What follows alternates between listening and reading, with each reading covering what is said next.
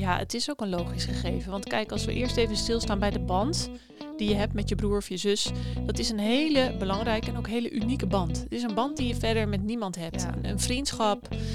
Ja, Het kan, er, uniek. het kan erbij in de buurt komen, maar het is gewoon anders. Want je bent ook genetisch gerelateerd. Je hebt dezelfde ouders of één dezelfde ouder, dat maakt niet zoveel uit. Ehm, en dat leidt ook tot hele hevige emoties. Zowel verbondenheid en compassie voor elkaar, maar ook woede, verdriet, alles in, in hevigheid. Welkom bij De Opvoedkast. De podcast over alles wat je als ouder van jonge kinderen wil weten. Want tijdens de opvoeding van die kleine loop je tegen van alles aan. En dan is het fijn om af en toe een pedagogische hulplijn te hebben. Hey Laurie Hey, en hallo luisteraars. Welkom back bij weer een nieuwe aflevering van de Opvoedcast. En dit keer hebben we het over broers en zussen en strijd, eh, rivaliteit, competitie tussen hen. ja, dat is een groot frustratiepunt bij veel ouders eh, met meerdere kinderen in huis. Ja. Iets wat eh, veel wel voorkomt ook. Heel herkenbaar voor vele ouders, denk Ja, ik. ja. Jij hebt een broertje en een zusje. Mhm. Eh, Hadden jullie veel competitie vroeger? Nou, ik ben de oudste en dat is sowieso al een bepaalde rol op zich in het gezin. Daar zouden we eigenlijk ook nog wel een hele aflevering aan kunnen wijden. Mhm. Van wat doet de rol in het gezin met jou? De strijd, het, het viel op zich wel mee, maar ik kan me wel nog een paar van die fikse ruzies herinneren. Waarbij ik ging dreigen om de oren van het knuffelkonijn van mijn broertje af te knippen. Oh nee. Ja, Stond je dan echt klaar met de schaar? ja, Oh god. ja dat is echt niet netjes. Sorry Niels. Arm konijn. Maar ja, dit, dit soort dingen, dat, ja, dat, dat, zullen mijn ouders ongetwijfeld ook wel ons achter het behang hebben willen plakken. Van jongens, hou hiermee op. Super irritant. En jij dan? Ja, ik kan me wel herinneren dat mijn zusje een keer al mijn strings kapot heeft geknipt. Jeetje. Ja. Heftig. Maar ik weet niet meer waarom. Nee, er was wel veel ri- eh, rivaliteit tussen ons. We hadden wel echt eh, veel strijd. We schelen drie jaar, dus misschien had het daar ook wel mee te maken. Ja. Eh, maar ik kan nu niet echt even een concreet voorbeeld noemen. Maar dat was er veel, ja. En daar hebben onze ouders het ook wel echt mee te stellen gehad. Ik kan me ook voorstellen dat je als ouder ook eh, af en toe heel erg bij jezelf gaat zoeken. Dat je denkt, waarom vliegen mijn kinderen elkaar continu in de haren? Heb ik iets verkeerd gedaan? Is dit iets genetisch? Ja. Moet ik op een andere manier mijn aandacht verdelen? De, ja, dat is complex. Ja, En je hoort ook vaak dat de ouders zeggen van, ja, weet je, we wilden graag een tweede kind.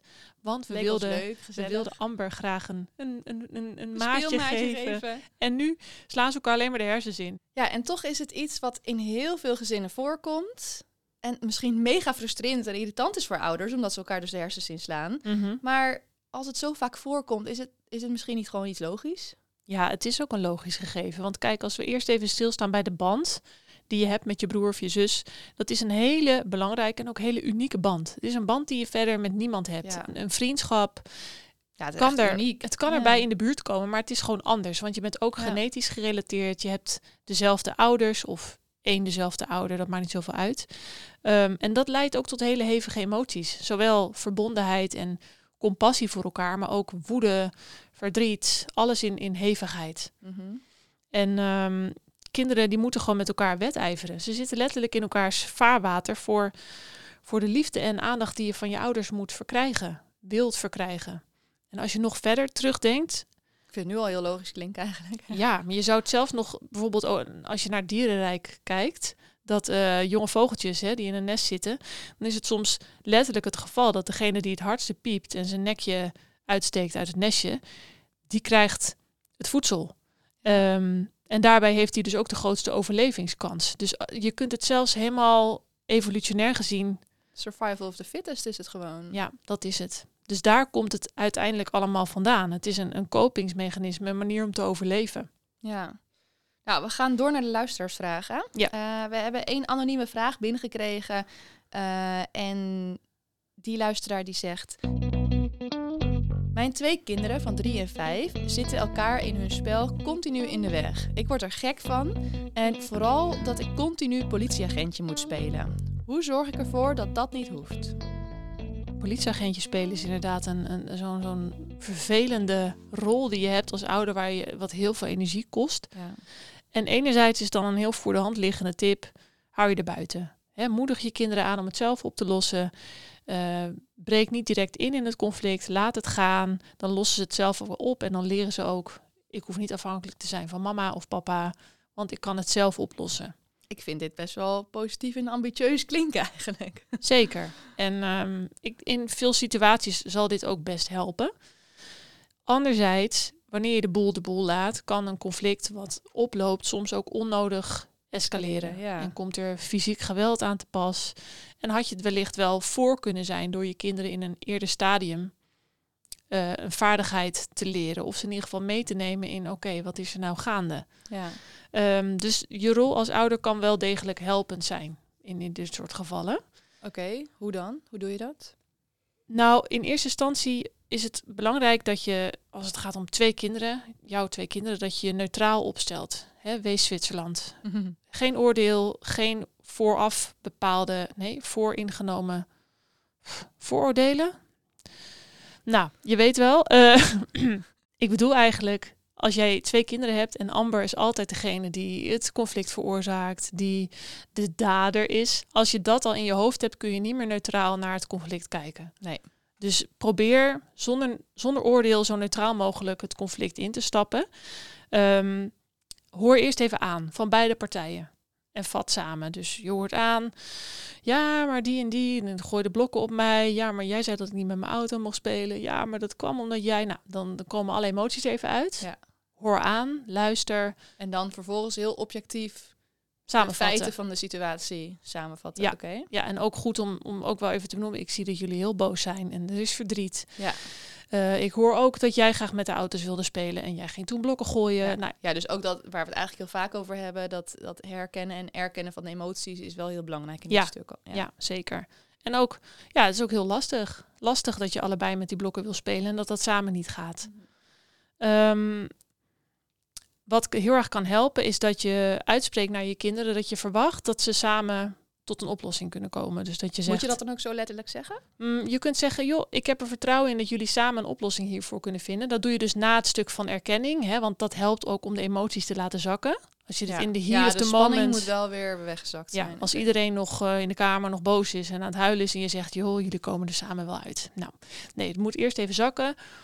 Dan spreek je uit, ik vertrouw erop dat jullie zelf tot een oplossing kunnen komen. Hè, denk er maar even over na. Moet je Ehm, het dan daar ook echt bij laten? Stap je dan weg? je kunt, je kunt erbij blijven en onderdeel zijn van, het, van de oplossing. Dus vragen stellen. Wat denken jullie? Wat, wat kunnen we nou het beste doen? Wat zou het beste werken? Dan ben je onderdeel Ja. van het Een proces. voorzetje geven. Als je dat vervelend vindt of je merkt dat je zelf geïrriteerd bent, kun je ook zeggen: eh, ga aan de slag. Eh, ik zit even in de tuin.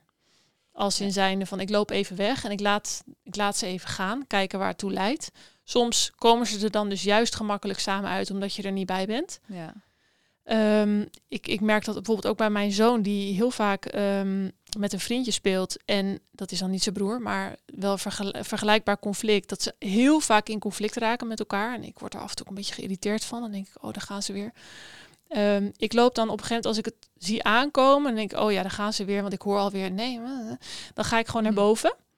Ik zeg het ook niet eens. Ik loop gewoon even weg. Want ik weet, als ik het hoor, dan, dan heb ik de behoefte om me ermee te gaan bemoeien. Ja. Dus ja, dan loop en, ik en gewoon, andersom eh, zij ook de behoefte om jou erbij te trekken, denk ik. Dat is een goeie. Ja, ze zien mij ook. Dus dan denken ze, hé, hey, daar is de, de, de scheidsrechter. Die gaan Ja. we er even bij halen. Eh, waarop ik dan dus moet besluiten wie je gelijk heeft. Want dat willen ze dan van mij. Ja. Maar dan hoor ik het aankomen. En dan loop ik dus gewoon naar boven. Dan denk ik, ik ben gewoon even weg. Ik heb dit niet gehoord. Ik heb het niet gezien. En soms kom ik dan weer beneden. En dan is het spel weer helemaal op gang. Dan hebben ze op een of andere manier hebben ze er samen een weg in gevonden. Ik weet niet hoe. Ja, en als ze je wel toe. echt nodig hebben, dan komen ze je wel halen. Ja, en dan hoor je het ook wel, hè? Als ik boven ben en ik hoor in één keer een kind ontzettend hard huilen, of ik eh, Ja. hoor een harde klap, of nou ja, dan, dan is het wel het punt dat je, dat je oké, er moeten grenzen gesteld worden en hier hebben ze een volwassene bij nodig, want dat lukt ze zelf niet. Ehm, haal dan ook kinderen uit elkaar. Probeer dat dan wel op een neutraal terrein te doen. Dus niet tegen de een te zeggen, nou ga jij hier nou maar even gewoon verder spelen en jij gaat naar je kamer. Want dan heb je heel erg de kans dat degene die naar zijn kamer moet, die voelt zich het slachtoffer Gestraft. en gestraft. Dus het beste is om te zeggen, jullie gaan allebei even naar je eigen kamer. Het is even tijd voor, eh, voor wat rust. Straks zoeken we elkaar weer even op. Ehm, en wat je ook kunt doen is wanneer conflicten regelmatig voorkomen tussen je kinderen, steeds weer op dezelfde moment, op dezelfde manier, dat je samen naar een meer duurzame oplossing gaat zoeken. Oké, maar een duurzame oplossing, dat, ja, dat klinkt wel alsof het iets meer vergt. Ja, het is echt samen een plan maken voor de toekomst, waar kinderen zelf ook onderdeel van zijn. Ja, en wat ze kunnen onthouden. Ja, en belangrijk daarin is dat je eerst, ehm, nou ja, de situatie, hè, dus eh, ja, er ontstaat heel vaak ruzie wanneer jullie gezamenlijk met de Lego aan het bouwen zijn. Punt. Ja, punt. Ehm, wat zijn jullie ideeën hierover om te voorkomen dat dit weer gaat gebeuren? En hoor dan ook alle ideeën aan. Schrijf ook alles op. Een soort brainstorm. Ja. Veilige omgeving. Brainstorm met je kinderen. En dan ook weer zonder oordeel. Hè? Dus in, in eerste fase ook gewoon, oké, noem maar. Wat denken Alle jullie dat ideeën een zijn idee goed. Ja. En dan zegt, eh, zegt je ene kind, ik heb een idee, alle Lego is van mij en mijn broer mag alleen nog maar buiten spelen. Oké, ik schrijf het op. Ja. Dit- dit- terwijl je natuurlijk al denkt, ja, dit- space, jongens. Ja. schrijf maar op. En, en dan als alle ideeën zijn ge- ver- verzameld, dan ga je met elkaar kijken van, nou, wat vinden we nou het beste idee? En dan kan je natuurlijk ook zeggen van, goh, jij, hè, jij zei net, eh, alle Lego is van mij en Harry mag alleen nog maar buiten spelen. Nou, dat vind ik geen goed idee.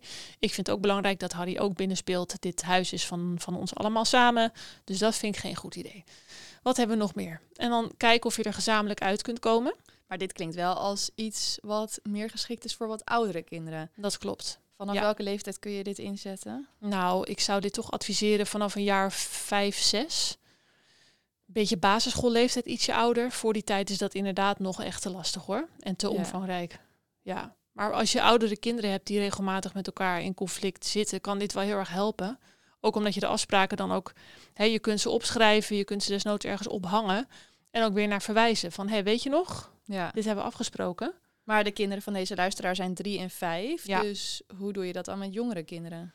Ja, dan zou ik zeggen, wees vooral de, de neutrale bijstander. En probeer af en toe echt er bewust uit te stappen wanneer dat kan.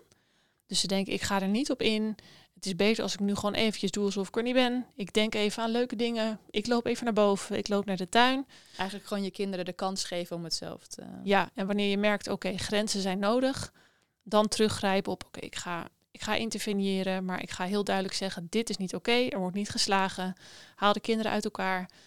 En probeer samen wel tot een oplossing te komen. Maar in een minder uitgewerkte versie dan wat we net bespraken. Ja. Oké, nou dit ten aanzien van de politieagentjes spelen, als er dus echt eh, steeds conflict is. Mhm. Maar als je nou meer kijkt naar eh, die rivaliteit, die competitiedrang, die strijd tussen broers en zussen, dan hebben we een andere luisteraarsvraag van Iris. En die heeft het ingesproken, dus laten we even luisteren. Ja.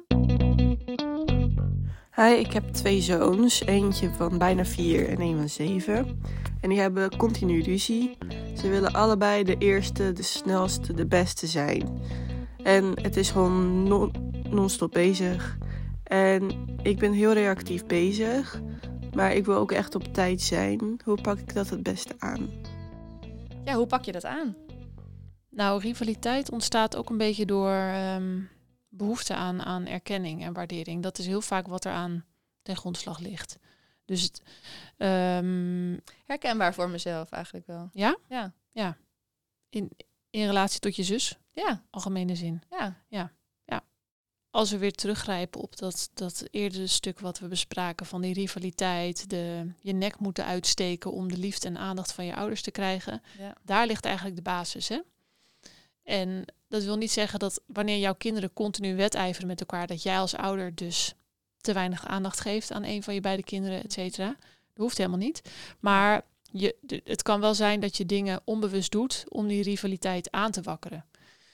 Bijvoorbeeld ehm, wanneer je kijkt naar je eigen communicatie naar je kinderen. ehm, kijk eens bijvoorbeeld naar hoe jij praat over de beste zijn of winnen of competitie. Dus wanneer jouw kind terugkomt van een voetbalwedstrijd, vraag je dan: heb je lekker gespeeld of heb je gewonnen? Oh ja. Zijn Zulke kleine dingetjes. kleine dingen. Waar, waar ligt het belang? Waar leg je de ja, waar nadruk leg je op? de focus op? Ja. Ehm, ouders vergelijken ook vaak kinderen met elkaar eh, om ze een soort van aan te moedigen. Maar dat heeft vaak een tegengestelde uitwerking. Ik betrap mezelf daar ook op. Hoe bedoel je dit? Nou, eh, Dex, mijn oudste, die zit in een fase waarin die nogal slecht dan wel niet eet. Eh, avondeten met name. Dat, ja, het lukt mij heel lang om me daar vrij neutraal in op te stellen. Maar op een gegeven moment raak ik geïrriteerd, gefrustreerd. En dan zeg ik dus dingen als... Ja, maar kijk, Otis die eet gewoon, dat is tussenbroertje. Die eet zo zijn hele bordje leeg. Ja, moet je zien hoe, hoe lekker die zit te eten. Weet je wel? Dus ik, ik trek dan heel erg de vergelijking tussen hem en zijn broertje. Dat heeft eigenlijk geen zin. Het werkt niet. Het leidt ook helemaal niet tot het resultaat dat ik wil. Alsof Dex dan denkt, oh nou, vrek, dan ga ik nu maar beginnen met eten. Dat gebeurt Maar dus ook helemaal niet. geen boodschap aan. Helemaal natuurlijk. niet. En dat soort vergelijkingen, A, het werkt niet. En het heeft ook een uitwerking op die, ja, die groeiende rivaliteit die er ontstaat. Ja, hè? Want je maakt, tussen hen onderling. je maakt toch een soort van een weegschaal creëer je eigenlijk. Ja. Waar, ja, wat allemaal in dat kinderhoofdje natuurlijk een soort van onbewust misschien wordt opgeslagen. Ja, je benadrukt misschien ook wel iets meer de verschillen. De verschillen en, en niet zozeer de overeenkomsten. Ja. Dus ik heb mezelf ook wel eens terecht gewezen van ik moet hier echt op letten. Ik moet dit niet doen. Ehm, het is beter om gewoon rechtstreeks je kind te vertellen wat je van hem wil en verwacht. En niet te verwijzen naar het broertje of zusje. Nee. Heeft er eigenlijk niks mee te maken. Is een ander kind, eh, dat doet er ook niet toe. Daarnaast is het ook belangrijk om je kinderen te steunen zonder daarin partij te kiezen. Dus probeer niet in de valkuil te trappen dat je je kind behandelt naar de rol die je nou eenmaal altijd of vaak aanneemt in het gezin. Bijvoorbeeld dat de oudste altijd de verantwoordelijkste is. Ja. Oh, ik hoor iemand huilen. Heb je weer je broertje geslagen? Dat je al de aannames die je hebt al uitspreekt en projecteert op, op je kind. Want dan is het heel moeilijk om daar weer uit te komen. Ja, dus blijf objectief. Ja, probeer zo objectief en neutraal mogelijk te blijven. Zonder schuld, zonder aannames. Want dan blijven die rollen die, die je al hebt gevormd, die hou je in stand. En dat moedigt de rivaliteit ook weer heel erg aan. Want dat maakt dat kinderen dus het gevoel hebben van... maar ik moet, hè, ik wil beter zijn, ik wil Ja. die erkenning, die waardering. Ja, dus vul ook niks in. Nee, nee, Geef geen sturing wanneer je een gesprek hebt eh, met nee. een van je kinderen. Stel open vragen. Ja. Eh, daarnaast helpt het ook heel erg om kinderen te laten samenwerken in het gezin, als onderdeel van het gezin. Dat voorkomt dat ze die rivaliteit gaan voelen, omdat ze twee op zich staande personen zijn ten opzichte van hun ouders. Wanneer je ze echt ook samen laat werken. Ja, dan zijn zij ehm, het team eigenlijk Zijn natuurlijk. zij het team. En dan voelen ze wat minder dat ze allebei ehm, naar voren moeten stappen om zich te laten zien. Want je benadert ze als, als, als collectief. Oh, ja. Oh, heel herkenbaar ook. Ja? Ja, leuk. Ja. Komt er een voorbeeld in je op? Nou, wij moesten vroeger op vakantie dan wel eens dat mijn zusje dat moest doen of halen. En dat ik iets anders moest doen of halen. Ja. Eh, en dan was er altijd ruzie over, nee, maar ik wil dat doen. Ja. Of, of dat ik het beter of minder goed deed dan zij juist. Ja. Terwijl als we samen, 's ochtends, moesten wij altijd samen de broodjes halen. En dan was het inderdaad gewoon, ja, dan gingen we samen op pad en was er niks aan de hand. En eh, Ja, mooi. Ja, en ook wanneer ja. er dus wel misschien twee taken eigenlijk ehm, binnen de algemene opdracht liggen, dan is, kun je het beter je kinderen zelf laten bepalen. Ja. Zelf laten ondervinden van, oh, we hebben eigenlijk en eh, broodjes nodig en we moesten een pak melk, anders pak jij dit en ik dat. Als, het, als je het samen bepaalt, dan ontstaat dat dus ook niet vanuit een... ja, dan gaat het ook veel natuurlijker. En, eh, Ja. Oh, leuk. Ja. Hey, en ik heb eigenlijk nog wel een aanvullende vraag. Want hoe eerlijk moet je je kinderen nou behandelen? Hoe bedoel je, hoe eerlijk? Ja, ik denk dan aan ehm, echt kleine dingen van moeten ze evenveel snoepjes krijgen tot aan als die ene op 12-jarige leeftijd een telefoon krijgt, nou misschien inmiddels al eerder, ehm, Hm. krijgt die ander dat ook pas als hij 12 is. Ja, nou weet je, de vuistregel hierbij is eigenlijk evenveel is nooit goed genoeg. Dus hoe je ook je best wil doen als ouder om je kinderen exact evenveel liefde, aandacht, materiële goederen, weet ik veel wat te geven, dat gaat je nooit lukken. Dus is mijn advies ook begin er niet aan. Om meerdere redenen. A, dat het dus onmogelijk is om die weegschaal precies in het midden te eh, houden. Dat Ja. is bijna een onmogelijke missie. Ja, en dan ben jij als ouder zo je best aan het doen om dat voor elkaar te krijgen. En je kinderen die, Ja, die onthouden echt het kleinste ja, detail. dat kleinste detail, dat wordt je dan weer Ja. voor de voeten gegooid. Waarop je weer, nou, dat is natuurlijk al- alleen maar frustrerend voor jezelf. Want dan voel je zelf ook eh, ja, dat je nooit goed genoeg bent. Mhm. Ehm, en eh, elk kind heeft ook andere behoeften. Dus als jij vanuit de goede bedoeling denkt, ja, dit heb ik voor jou gedaan, dus ik doe het nu ook voor jou. Ja, dat kind heeft misschien die behoefte helemaal niet. Jouw ene kind kan veel meer behoefte hebben aan een rustig één op één moment aan het eind van de dag. Die wil bijvoorbeeld heel graag voorgelezen worden en geniet heel erg van dat moment vlak voor het slapen gaan. Terwijl de ander het liefst zelf leest of zo snel mogelijk gaat slapen. Maar die haalt weer heel veel energie uit samen voetballen buiten. Of ehm, ja, ik noem maar iets, kan van alles zijn. Mee mogen gaan met boodschappen doen of zo. Ja, En dat elk kind is anders. Dus het, het zou niet heel logisch zijn als je dat op gelijke manier gaat doen. Want dan kom je niet tegemoet aan de behoeften van je, je kinderen. Nee. Ik, ik had ook vroeger een vriendinnetje die met drie meiden waren ze thuis. Scheelde ook heel weinig. Dus die waren echt drie meiden heel kort op elkaar. En die ouders waren echt van: Oké, ik heb voor jou eh, een topje gekocht van 15 euro. Dan krijg jij ook een topje van 15 euro. En jij een top. En er was altijd zoveel rivaliteit en strijd in, in dat gezin. Ja, dat. Dat we, ja. ja, omdat je dan zelf zo de nadruk legt op het moet eerlijk zijn, geef je dat natuurlijk ook mee aan je kinderen. En als het dan een keertje niet is, dan valt het ook meteen heel erg op. Ja, en het is nooit goed. Dus dan is dat gewoon heel vermoeiend. Ik, ja, ik kan me voorstellen als ouders van die drie meiden, joh, wat ben je dan de hele dag bezig met die letterlijke weegschaal? Dat Ja. lijkt me, ja, nee, niet aan beginnen. Ik kan me ook voorstellen dat ouders denken, ja, ehm, als ik geen rivaliteit wil tussen mijn kinderen, dan ga ik zorgen dat bijvoorbeeld al het speelgoed van iedereen is, dat we alles met elkaar delen, zodat er niet over gewedijverd hoeft te worden. Maar ik zou eerder zeggen, forceer dat juist niet. Dat stimuleren om samen te spelen. Ja, want daar hebben we het in een eerdere podcastaflevering ook over gehad. Hè? Dat zinnetje samen delen, samen spelen. Dat dat eigenlijk een hele loze zin is. Om, als je kinderen dwingt om te delen, bereik je juist dat ze zich gaan vastklampen aan hun eigendommen. En heel erg de behoefte te hebben om af te kaderen. Ja, maar dit is van mij. Het delen is helemaal niet een, een, een doel Nee, dus op het werkt zich. averechts. Ja. En, en respecteer ook dat bepaalde eh, spullen in huis gewoon toebehoren aan iemand. En dat je dat niet allemaal hoeft, hoeft te delen. Dat hoeft ook helemaal niet. Ja. Wat je wel kunt doen, is je kinderen zelf de verantwoordelijkheid geven om het op te lossen. Dus je kunt met elkaar eh, regels maken over het gebruiken en lenen van elkaars eh, spulletjes. Je kunt een algehele regel maken van al het speelgoed dat beneden staat, daar mag iedereen mee spelen. Speelgoed dat van jou is, staat op je kamer. Dan Ja. moet je eerst vragen aan de ander.